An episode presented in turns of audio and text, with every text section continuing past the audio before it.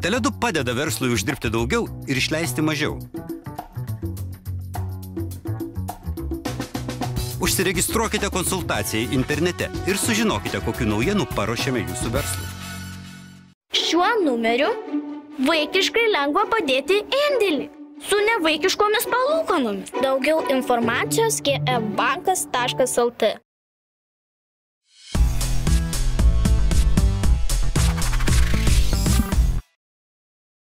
Sveiki, tai Pinigų karsos akademijos laida ir pilną šio pokalbio versiją Patreonai galės pamatyti Laisvės TV kanale. Dėkojom Patreonams už laidos remimą. Ir šiandien turiu tikrai nuostabią dieną, nes turiu progą pašnekinti tų pašnekovus, tai yra Laura Galdikinė, Lietuvos banko ekonomikos departamento vyriausiai ekonomistė bei uh, Mindaugą Degutį, uh, Vilniaus universiteto ekonomikos ir verslo administravimo fakulteto uh, docentą. Ir šnekėsimės uh, labai tokia galbūt neįprasta tema, tai yra kas gilemia uh, mūsų gerovės arba laimės suvokimą. Ir matyt, geras dalykas yra tas, kad šnekėsim būtent iš ekonominės pusės. Tai ir kaip ekonomistai mato, ar yra įmanoma pamatuoti gerovę, ar yra įmanoma pamatuoti žmonių laimę. Ir besveikindamas su jumis tiesiog gal nuo to klausimo ir pradėsiu. Klausimas abiems. Kiek ekonomistai turi įrankių, kad galėtų pamatuoti žmonių laimės ir gerovės suvokimą? E, Labadiena visų pirma visiems. Iš tiesų labai džiugu būti šiandien čia ir bendrauti šioje platformoje. E, iš tiesų, ekonomistai turi įrankių pamatuoti gerovę ir, sakyčiau, tačiau pastaruoju metu jie tapo gana koncentruoti.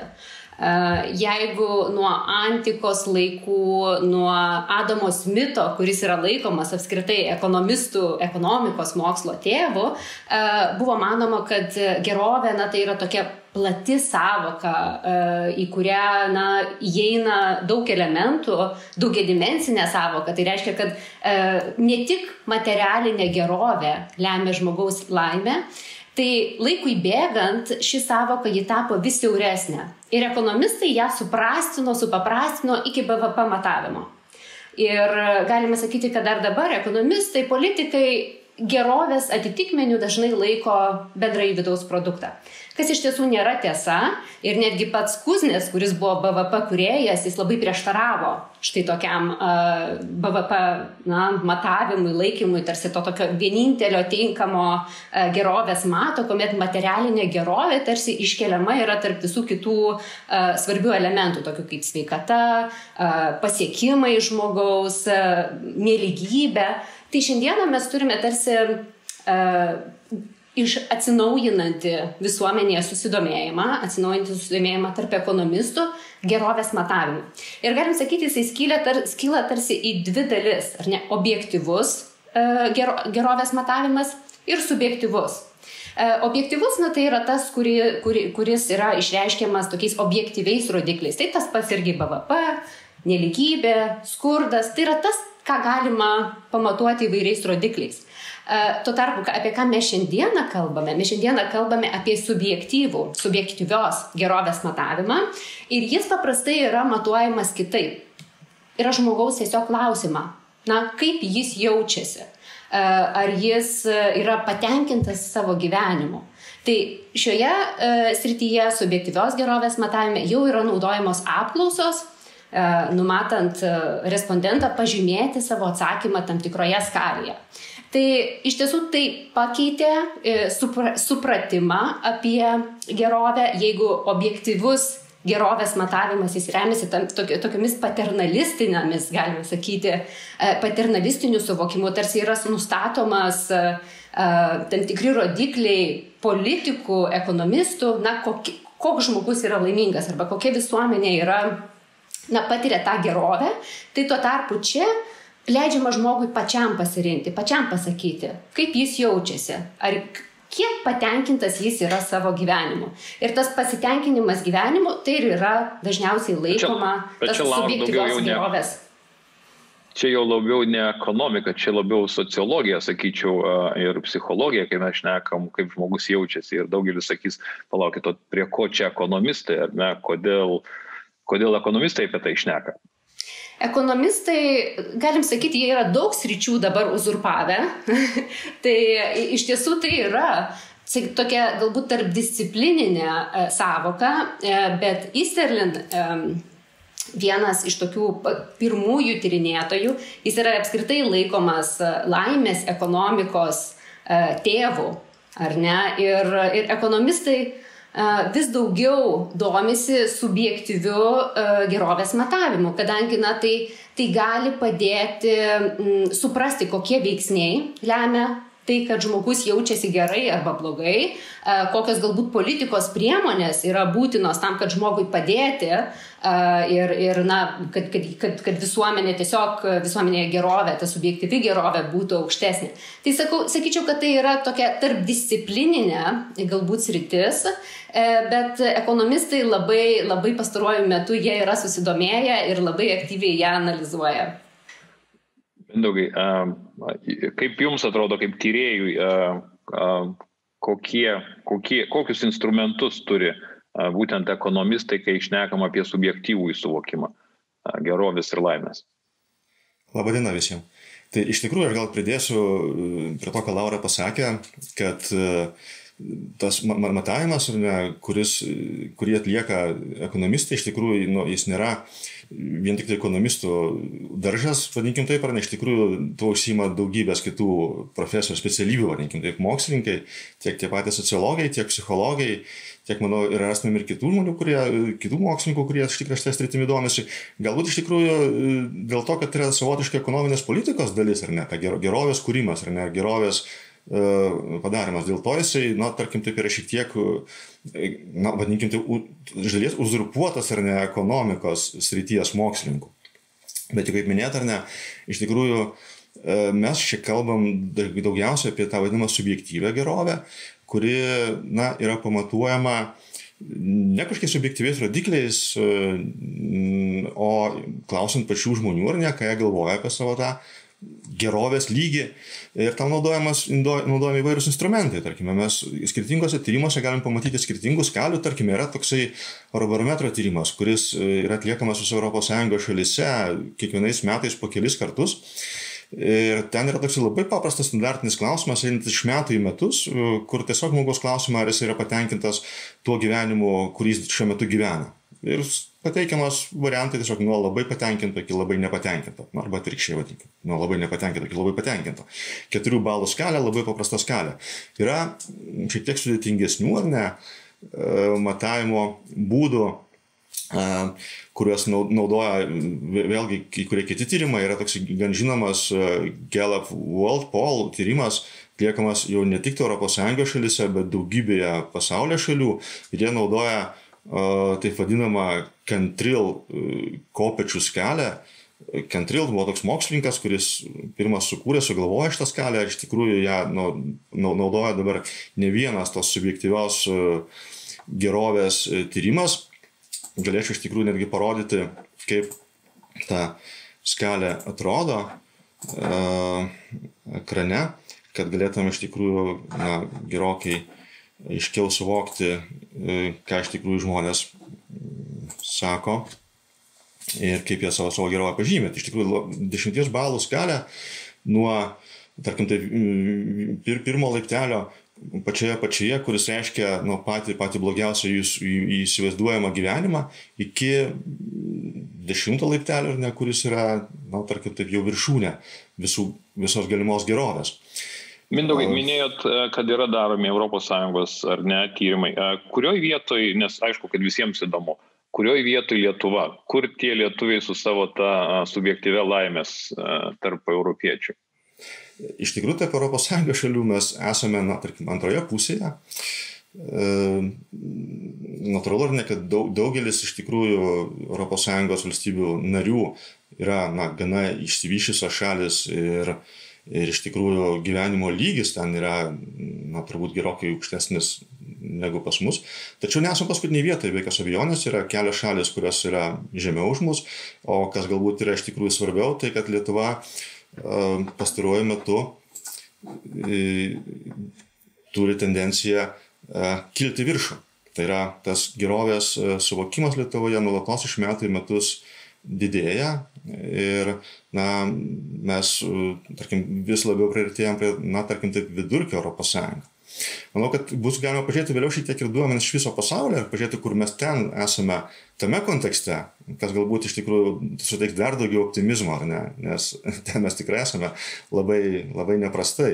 Bet žiūrėkit, e, Mindui, Laura, kai išnekam apie subjektyvų laimės suvokimą arba gerovės suvokimą, ar ne, tai mano klausimas yra, ar iš tikrųjų valstybė, ar, ar ėmimas vieneto kaip valstybės, ar jis yra teisingas ar ne? Nes galima gyvent toj pačioj valstybėj bet tokiam regione kur tiesą pasakius nu tu sėdėsi galbūt tam mindaugo rodytoj toj skalėj pačioj apačioj ir gyvensi kitam regione kur būsi labai labai aukštai. Ar valstybė kaip vienetas matavimo ar mes galim dėt e, subjektyvų žmogaus arba žmonių sakykim įsivaizdavimą jie yra laimingi ar nelaimingi į valstybės vienetą kaip tokį Galbūt aš čia pakomentuosiu. Aš, aš manau, kad ta pati situacija uh, gali būti ir su pajamomis, ar ne, su bendrojo vidaus produkto matavimu. Taip pat ir um, aš manau, kad mes turėtume čia stebėti ir papildomą rodiklį, tai yra pasiskirstimą laimės. Ar ne? Kiek, kiek nelygi, tas, kai mes matuojame pajamų neligybę, tai taip pat mes turėtume maty, matuoti turbūt ir laimės neligybę.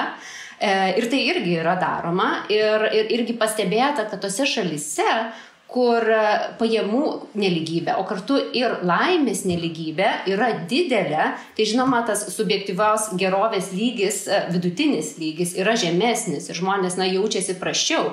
Tad aš galbūt sakyčiau, kad tai nėra um, blogai stebėti štai tokių šalies lygmenių.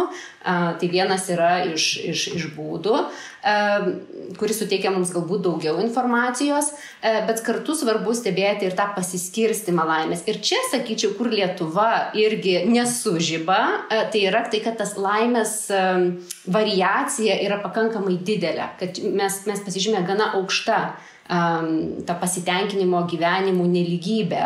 Ir, ir tai yra vienas iš tokių galbūt um, nerima keliančių ženklų, kaip, kaip ir Lietuvoje pajamų neligybė didelė, taip ir uh, laimės neligybė yra pakankamai didelė. Uh, bet bendrai, na, visada norisi turbūt uh, pasilyginti tarp šalių ir matyti, kokioje situacijoje mes esame. Tačiau tas papildomas rodiklis jisai suteikia uh, šiek tiek daugiau informacijos.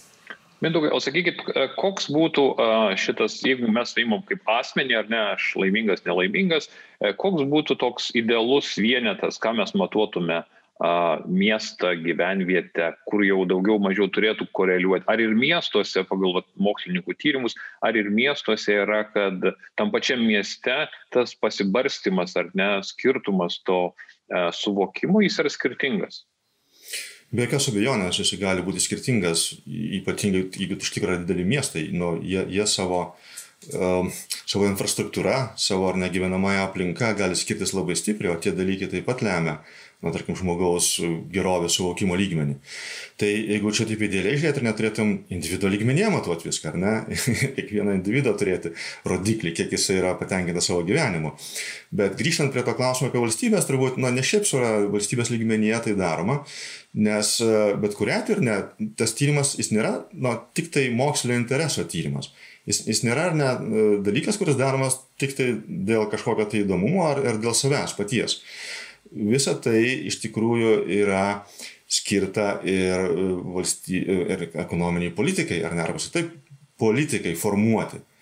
Ir natūralu, kad šito, šito tyrimo, iš tokių tyrimų e, svarba ir interesas yra ne, ne tik tai mokslinis, bet ir praktinis. Visų pirma, gerovės tyrimai na, yra svarbus todėl, kad gerovė e, savo esme iš tikrųjų nu, yra turbūt bet kurios demokratinės valstybės tikslas. be gerovės užtikrinimo iš tikrųjų legitimuoti valdžią nu, yra gana sunku. Todėl natūralu, kad daugelis valstybių iš tikrųjų, nu, daugumos valstybių tikslas, o dažnai turbūt ir ne, rinkimų kampanijoje mes tą patį girdim, kiekvieno rinkimų kampanijoje, ar ne, kai, yra, kai mes renkame demokratiniu būdu valdžią, kad na, bus stengiamasi užtikrinti kuo didesnį visos visuomenės gerovę. Tai suprasti ar ne, kas lemia tą gerovę, kaip galima tai keisti, ką galima su tuo daryti, nu, yra svarbu ne tik tai mokslininkams, bet lygiai taip pat ir politikams. Jo, nes dabar šitas gerovės iš tikrųjų suvok, arba žodis ar net terminas labai dažnai vartojamas. Laura, taip, jeigu nu, turit pridurti, aš tiesiog po to pratęsiu apie bendrai, ką, ką mes suprantam po tuo. Aš dar norėjau sureaguoti į tą miesto kaimo arba miesto užmieščio skirtumus. Iš tiesų, paskutinėme 20 metų e, laimės ataskaitoje paskutinėje e, iš tiesų buvo analizuoti skirtumai tarp miestų ir na, kitų vietovių, tų tokių kaimiškų vietovių. Ir iš tiesų pastebėta, kad laimės lygis, jis e, paprastai yra didesnis tarp miesto gyventojų, pasitenkinimas gyvenimo yra didesnis nei užmieščio gyventojų. E, tačiau šis skirtumas jis ima mažėti, kuomet, šal, na, žvelgiant į šalių išsivystimo lygį, tai reiškia, kuo labiau išsivyščiusi ekonomiškai šalis, tuo tas skirtumas yra mažesnis. Ir tai yra aiškinama tuo, kad mieste tuomet yra pradedamas jausti mažesnis priklausimo bendruomeniai jausmas ir vėlgi didelė laimės neligybė. Aš čia visada prisimenu San Francisco, bet, bet, bet kurio galbūt Amerikos miesto pavyzdį, kur iš tiesų yra didelė um, ekonomika, išsivyščiusi ekonomika ir, ir, tarkime, toks San Franciskas miestas, tai yra toks inovacijų miestas, kur žmonės iš tiesų uždirba aukštesnės pajamas negu, negu vidutinės galbūt šalyje. E, tačiau tas, na, di, didelė neligybė. E, benamiai žmonės gatvėse. Tai iš tiesų neleidžia jaustis pakankamai laimingam, kuomet yra didelė na, tas pasitenkinimo gyvenimų neligybė. Ir, ir tuomet kiti regionai, kiti galbūt užmieščio daugiau regionai, jie netgi kartais ima lenkti tokiuose valstybėse didžiuosius miestus. Tai aš tiesiog galvoju, kad tai yra įdomus pastebėjimas. Jo, gal aš galėčiau pratesti iš tikrųjų šitą vietą dar truputėlį tai, ką, tai, ką mokslininkai ir ne, būtent šituo miesto kaimo, tarkim, aspektu yra nustatę. E, įdomus fenomenas yra tai, kad e, laimės lygis miestuose didėja iki tam tikro laipsnio, e, vystantis ar neplėtojantis pajamoms ar ne ir, ir, ir didėjant ar ne tai tokiai materialiniai geroviai, bet nuo tam tikro momento tose didžiosiose urbanizuotose metropolijose paprastai prasideda, na tarkim, taip to pasitenkinimo gyvenimo mažėjimas. Ir kaip jau Laura iš tikrųjų teisingai pastebėjo, tai siejama nu, su, su daugeliu dalykų, tarp, tarp jų ar ne, ir nusikalstamumų didesnių, dides, didžio, didelėse metropolijose, gamtos nebuvimu arba užterštumu tos gamtos, dažnai transporto problemomis, galų gal ar ne, kas aktualu, va, tarkime, šiuo metu, tai sergamumo užkrečiamomis lygomis. Ar ne? Mes matom iš tikrųjų, kad daug žmonių pastaruoju metu galvoja bent jau, ar ne, kad jiems reikėtų kažkur judėti iš didelių miestų į, į, į, į, ap, į apylinkės, ar ne, dėl va, tokios elementarios priežasties. Kaimas su tarpu vyksta. Aha. Mindaugai, turiu klausimą, o nėra paskaičiuota, koks yra optimalus miesto dydis, kad būtent pagal laimės suvokimą, koks yra optimalus, kur jau tas išsiplečia tiek, kad jau ta laimė pradeda mažėti? Man neteko iš tikrųjų matyti tokių skaičių ir manau, kad tai gali būti iš tikrųjų ne, ne tiek priklauso nuo dydžio, kiek iš tikrųjų to, to gebėjimo ar ne iš tikrųjų sutvarkyti tas, su, sureguliuoti problemas, kurias čia ką tik tai minėjom. Galbūt didelė mieste įmanoma iš tikrųjų padaryti taip, kad net taip stipriai nesijaustų, kaip kartais mažesniam to nepavyksta padaryti. Bet grįžtant prie kaimo, ar ne, ten yra efektas atvirkščias. Didėjant e, e, materialiniai gerovai pajamoms iš tikrųjų ten ir toliau po truputėlį didėja pasitenkinimas gyvenimu. Jis nebe, nebedėja taip staigiai ir ne kaip anksčiau, bet truputėlį vis tik tais dar auga ir tai siejamas su kitais dalykais šiek tiek ar ne. Tai visų pirma su gerėjančia infrastruktūra. Taip, na, aišku, kuo daugiau turi valstybė pajamų, tuo nesugeba visose vietovėse užtikrinti infrastruktūrą išplėtotą.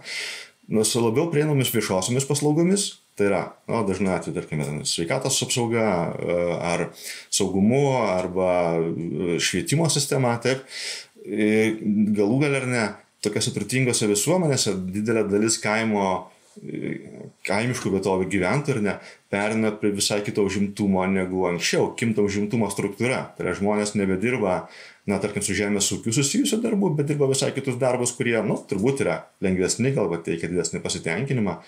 Tai, o tas fenomenas iš tikrųjų yra stebimas. Mm. Bet grįžtant prie, nes savo termino, kuris dabar yra labai labai, kaip sakyti, populiarus ir dažnai politikų jau vartojamas, tai yra gerovės valstybė, ar ne?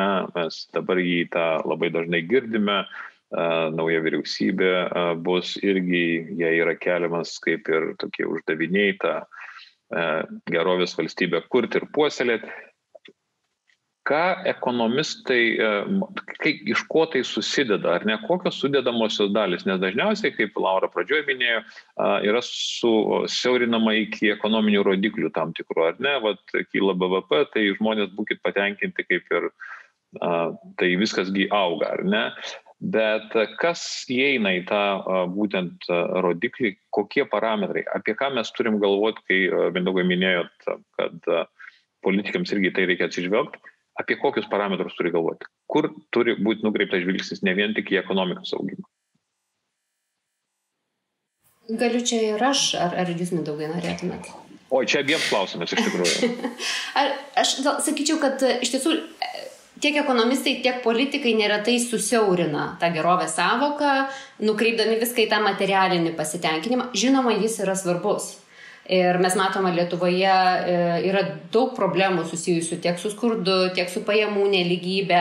Ir, ir, ir tie veiksniai iš tiesų gali mm, riboti gerovę šalyje ir tai turėtų būti sprendžiama. Bet manau, kad visada reikėtų toje perspektyvoje turėti, kad tai yra kompleksinis e, fenomenas, kuriam, kuriam reikia įvairialypių, įvairių sprendimų. Ir aš galbūt e, siūlyčiau valstybei nepamiršti na, tų sričių, už kurias ji yra tiesiogiai atsakinga. Tai yra kokybiškos e, viešosios paslaugos. Ar tai būtų švietimas, ar tai būtų sveikatos apsauga.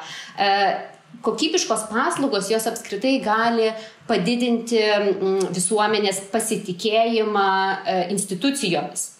E, ir aš sakyčiau, kur, kur Lietuvoje nemenka problema yra, na, tas menkas pasitikėjimas politikais, įvairiomis institucijomis, tada atsiranda ir e, noras vengti mokesčių ir tarsi užsibūrė toks, toks, toks užburtas ratas, ir na, tada mes nesurenkame pakankamai pajamų į biudžetą, kurias mes galėtume e, perskirstyti. Tai tas pasitikėjimas institucijomis yra labai svarbus ir vėlgi laimės ataskaitoje šių metų buvo analizuojama, ar ne, kas lemia, koks, kokie pagrindiniai veiksniai lemia tai, kad šiaurės, Europos šiaurės šalis, jos nuolat yra tarptų pirmaujančių valstybių e, subjektyvios gerovės matavime. Tarp septynių valstybių, kurios uh, užima tas pirmasis septynės vietas, yra penki, penkios vietos tenka uh, Skandinavijos valstybėm.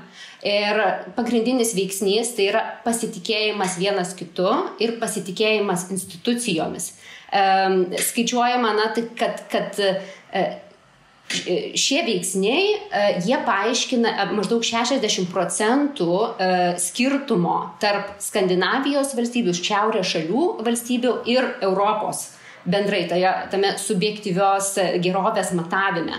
Tai aš sakyčiau, kad, kad, kad, kad politikai turbūt neturėtų pamiršti viešųjų paslaugų ir apskritai, kaip jie bendrauja su, su savo rinkėjais, kokia yra politinė kultūra. Tai yra tos rytis, kurias jie gali tiesiogiai paveikti. Ar ne? E, kai kurias rytis galbūt yra sunkiau išspręsti, bet bendrai pasitikėjimas e, institucijomis yra be galo svarbu ir tai susilaukia vis didesnio dėmesio. Kitas elementas - pasitikėjimas vienas kitu. E, ir čia na, bendrai tas socialinė parama su tuo irgi yra susijusi. Pasitikėjimą vienas kitu yra gerokai sunkiau paveikti ir dažnai po tokių didelių sukretimų, tarkime, ar tai būtų pandemija, ar tai būtų karas, ar, ar, ar, ar dar kažkokie dideli, didelio masto sukretimai, neretai e, na, gali paveikti arba į vieną, arba į kitą pusę pasitikėjimą vienas kitu. Tai aš sakyčiau, kad čia Lietuva turbūt prarado tą gerą progą pakreipti situaciją geresnė linkme, kuomet na, mes puikiai suvaldėme pirmąją pandemijos bangą e, ir, ir žmonės tarsi vienas kitu ir institucijomis ėmė atrodė, kad labiau pasitikėti, tačiau štai mes matome naują antrąją bangą ir aš sakyčiau, kad ilgojų laikotarpiu tie rezultatai gali būti netgi prastesni, nes na, visuomenė gali imti mažiau pasitikėti e, valstybės institucijomis, o kartu ir vienas kitu, nes matome, ne, žmonės nepakankamai saugosi, tai kyla tam tikras įtarumas vienas kito atžvilgiu. Ir paskui pakeisti štai šitą nusistovėjusi balansą gali būti e, labai sudėtinga ateityje. Taip, Mindovai, jums gerovės valstybė, kokie, kokios sudėdamosios dalis šitoje vietoje? Aš manau, kad tų sudėdamųjų dalių yra iš tikrųjų labai daug. Tarp ekonomistų, ne tik ekonomistų, ne, bet ir, ir daugelį kitų mokslininkų, tas ginčas ar ne, ar iš tikrųjų uh, užtenka uh, viso labo tik tai plėtoti sėkmingą ekonomiką tam, kad ar ne valstybės visuomenės, nes suvokiama gerovė didėtų, jis ir iš tikrųjų nu, labai toks senas ir aršus, sakyčiau, netgi. Tai, tai kaip yra diskutuojama dėl to, ar, ar nu, tarkim, taip, nu, BVP kaip ekonominės gerovės tam tikras rodiklis iš tikrųjų yra pakankamas paaiškinti ir visuomenės subjektyviai suvokiamai geroviai yra nu, labai, labai, labai aštrus ir, ir, ir nuo tų pozicijų ir ne, yra laikomasi, taip sakyčiau, su tokia labai griežta, kartais netgi peržengiančia etikos ribas diskusija. Žinom tokią Esterlino paradoksą, jo, kurį suformulavo dar prieš kokius 40-50 metų ir sakė, ne, kad pasiekus tam tikrą uh, lygį išsivystymo, ekonominį išsivystymą, iš tikrųjų toliau valstybė, visuomenės subjektyvi gerovė nebedidėja. Taip, nepaisant to, kiek mes čia toliau beplėtotumėm tą ekonomiką, tai nieko iš esmės nebekeičia. Yra tam prieštarančių ar ne žmonių ir, ir iš tikrųjų kokios galtinės pozicijos šito klausimu kaip ir nėra, bet uh, ko gero ta, ta tiesa, jinai greičiausiai yra kažkur tarpe tarp šitų dalykų, ar ne, tarp, tarp to ekonominės gerovės ir kitų veiksnių, kurie gali veikti. Mes matom galbūt, kad dažnu atveju uh, tolesnė ekonominė plėtra nebeveikia labai stipriai pozityviaja, pozityviaja prasme gerovės suvokimo, bet e, negatyvus poveikis dažnu atveju yra labai labai ryškus. Jeigu mes pažiūrėtumėm, tarkime, į Graikijos atvejį ir 2008-2009 metų ekonominę krizę. 2006 metais rudenį ten buvo 67 procentai patenkintų savo gyvenimų žmonių. 2009 vasarą tik tai 42 procentai. Taip, tai jeigu dabar sudėtum ten kreives uh, Graikijos BVP smukimo ar ne ir smuki, gyventojų pasitenkinimo smukimo, pamatytum vos neidentišką ar ne uh, tos kreivės išlinki. Ta pati pamatytum, tarkim, ir Lietuvoje. Uh, 8-9 metais pasitenkinimas gyvenimu Lietuvoje irgi buvo gerokai smūkęs, kaip ir smūko mūsų BVP tuo metu, tai natūralu, kad tas poveikis yra, ypatingai, kaip sakau, negatyvus poveikis. Bet teikti ir ne, iš tikrųjų, kad viskas susiveda tik tai į ekonomiką, e, didesnės pajamas ir panašius dalykus, nu, tikrai negalime. Aišku, didesnis BVP ar ne, ir, ir ta didesnė ekonominė gerovė, jinai reiškia, nu, ne tik tai, kad mes turim savo kišenį, dažniausiai daugiau pinigų, nors nebūtinai, bet, bet kurią, tai tada priklauso nuo neligybės pasiskirstimo. Taip. Bet tarkime, vidutiniškai turime daugiau pinigų, bet tai reiškia kitus dalykus, jo, jau tačiau minėtus dalykus. Infrastruktūros plėtra, e, tarkim, ten sveikatos apsaugos geresnį, e, geresnį veikimą, švietimo sistemos geresnį veikimą. Tai natūralu, kad tai tie dalykai yra susiję ir yra svarbus, bet No, labai teisingai buvo prieš tai sakyta apie šiaurės šalių pavyzdį, kur iš tikrųjų veikia visai kiti veiksniai. Ar tiksliau, na, svarbus ir kiti veiksniai, be, be tos grinai ekonominės, be grinai ekonominių rodiklių. E, institucijų ar ne kaip tokių kokybė, ar viešųjų paslaugų kokybė iš tikrųjų nu, yra nesulyginamo, e, nesulyginami su tuo, ką mes turime čia, arba ką turi, tarkime, nu, tos šalis, kurios yra realiai, nu, tankia, tai to laimingųjų sąrašo pabaigoje. Tai tai kaip veikia ar ne visos viešos paslaugos, ta pati teisėja tvarka, taip, teisėsauga, teisėja tvarka, visos kitos minėtos sistemos. E, tie dalykai turbūt nėra sukūrėmi iš tikrųjų per, per 10, per 20, per 30 metų. E, šiaurės šalise tai kūrėsi, na, turbūt šimtmečius ir tam įtakos turėjo, nu, ir kiti veiksniai. Aš nesu istorikas ar ne, bet istorikai iš to vietai kalba apie, na, pažiūrėjau, apie, apie, apie tai, kad šiaurės šalim pavyko išvengti didelių visuomenės konfliktų tarpusavį. Jeigu daugelį, didžioji daly Europos iš tikrųjų vyko, na, tarkim, taip ir, ir, ir revoliucijos, ir pilietiniai karai, ir įvairūs kiti sukretimai. Šiaurės šalis e, gana sėkmingai išvengia tokių dalykų ir tai prisidėjo ir prie to paties didesnio pasitikėjimo tarp žmonių ir iš tikrųjų nu, ir galimybės kurti na, efektyvę, tarkim, tai valstybės e, valdymo ir mm. visuomenės sistemą. Bet sakykit, mes šiauriečius dažnai lyginamės, ar ne, ir, ir mūsų valdžios vyrai dažnai sako, va žiūrėkit, šituo kampu reikėtų pasižiūrėti, ką skandinavai daro, ar ne? Bet toks jausmas, kad mūsų tas noras išsirinkti tas patinkamas vyšnės nuo torto, e, labai dažnas. Mes norim pasimam, sakykime, aha, vad pasižiūrėkim, kaip ten veikia tas ir tas, bet pavyzdžiui, apie vaikų teisės tai jau tikrai nešnekėkim, čia jau yra baisus reikalas, kas darosi Skandinavijoje, nes ten, ten jau yra praktiškai ant ištvirkimo ribos, ar ne, su vaikų teisėm. Tai kaip čia yra, ar ne, ar, ar galima tą tokį cherry pickingą pasidaryti, ar ne, nusimtas išnelės, kokiu norim, o visą kitą galbūt palikim, nes nu, mums tas nelabai patinka. Ir čia jau prasideda tie vertybiniai požiūriai. Ar galima be tų vertybinių požiūrių tą gerovės valstybę kurti tokią, kokią turi Skandinavijos valstybės? Aš manau, kad ne. Bet turbūt čia remiasi tiek ir mano asmeniniu požiūriu, bet ir, ir, ir skait, skaitytą literatūrą. E, aš tiesų, iš tiesų pastebėjau, ne, kad lietuviai mėgsta išsirankioti tas višnelės, ar tai būtų mokesčių politika, ar tai būtų socialinė politika, bet dažnai, kai ateina klausimai ties lyčių lygybė, pavyzdžiui, arba tolerancija mažumom, na, mes atsitraukiame nuo tų klausimų, nors mes matome vėlgi literatūroje, kad šie veiksniai, šie elementai yra labai svarbus e, siekiant gerovės valstybės, kad, kad visi asmenys na, jaustųsi dalimi tos visuomenės ir nebūtų um, atstumti. Tai aš, aš, aš manyčiau, kad štai, toks išsirankiojimas višnelių jis yra negalimas. Ir aš minėjau, tai yra kompleksinis fenomenas. Ir mes negalime tik tais, na, mąstyti, štai padidinsime perskirstimą labiau per biudžetą ir išsispręs visos mūsų e, gerovės ar negerovės problemos. Iš tiesų tai yra kompleksiniai, reikalingi kompleksiniai sprendimai. Taip, vienas yra e, elementas ekonominiai veiksniai ir juos reikia spręsti, ypač kai pajamų nėra pakankamai, e, tai pajamos yra na, didelė problema ir matome, kad nemažai visuomenės daliai tų pajamų iš tiesų trūksta, skurdas didelis, neligybė didelė ir panašiai. Bet daug svarbesnė, na, arba sakykime, panašų e, indėlį vaidina socialiniai veiksniai. Tai, tai vėlgi ta pati lyčių neligybė, tolerancijos mažumoms nebuvimas, visa tai turi neigia, neigiamą poveikį gerovės suvokimui.